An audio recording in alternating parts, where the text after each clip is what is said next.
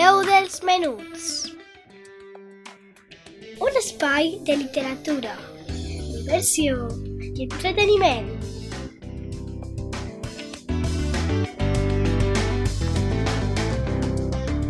Amb Laia Esteve.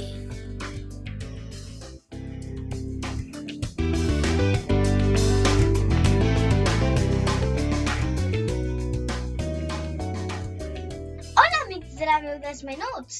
Ahir va ser un gran dia per a la teua ràdio, perquè es van conèixer els guanyadors premiats del concurs de relats radiofònics. Gràcies per seguir la gala! Però avui, com cada dissabte, toca aprendre curiositats, veritat? Tothom sap que hi ha anys bixests i que tenen algun dia menys, però voleu saber més? Comencem! Per què hi ha anys de traspàs? Els anys de traspàs o bixest són anys civils que tenen un dia més que els anys comuns, és a dir, compten amb 366 dies. Aquesta particularitat del nostre calendari és deu al fet que la durada dels anys civils, els que regeixen a la nostra vida quotidiana, formats per un nombre enter de dies, la defineix el temps que tarda la Terra a completar la seva òrbita al voltant del Sol. D'aquesta forma és com compleix un any quan la Terra ha finalitzat la seva òrbita al voltant del Sol i això té lloc cada 366 dies, 6 hores i 9 minuts. Aquest període de temps, anomenat any si sideri, implica que per cada 366 dies hem deixat 6 hores i 9 minuts que no hem inclòs al calendari d'eixe any, de forma que cada 4 anys hem perdut un dia complet. 4 anys per 6 hores, 24 hores. Un dia. Per tal de compensar aquest desfasament, l'emperador Juli César va encarregar al filòsof i astrònom Sosígenes d'Alexandria una, una reforma al calendari allà pel 46 abans de Crist. Quant de temps fa, no? El nou calendari julià exigia un dia addicional cada 4 anys, concretament el 24 de febrer, ja que per aquells temps febrer era l'últim mes de l'any. Ah! El papa Gregori XIII decidí reemplaçar el calendari dissenyat per Sosígenes 1582 a través d'una butlla papal.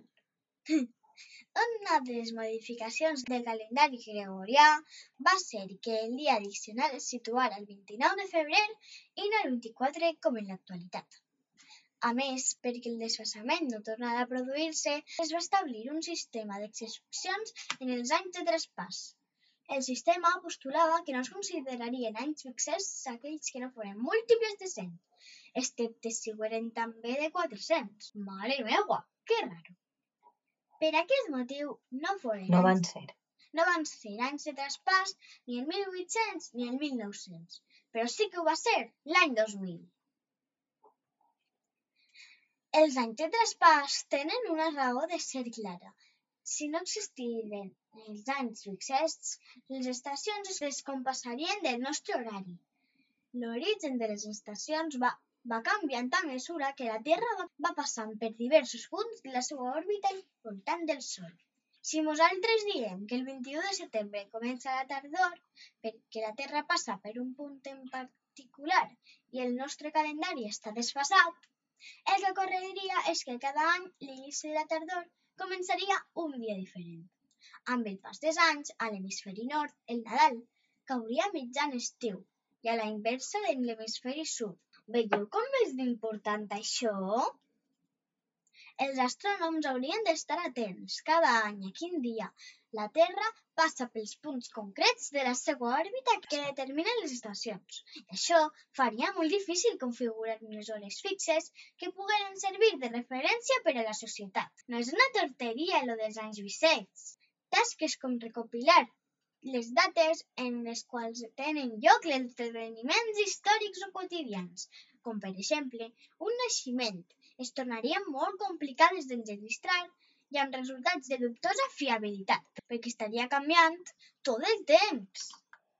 El 2020 va ser un any bisest. I voleu saber una curiositat?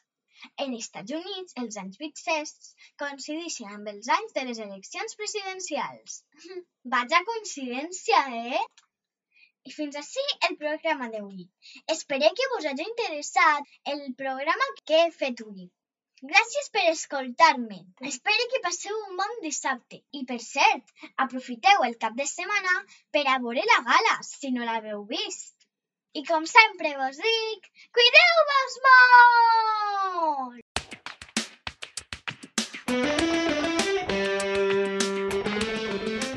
La veu dels menuts. Un espai de literatura, diversió i entreteniment.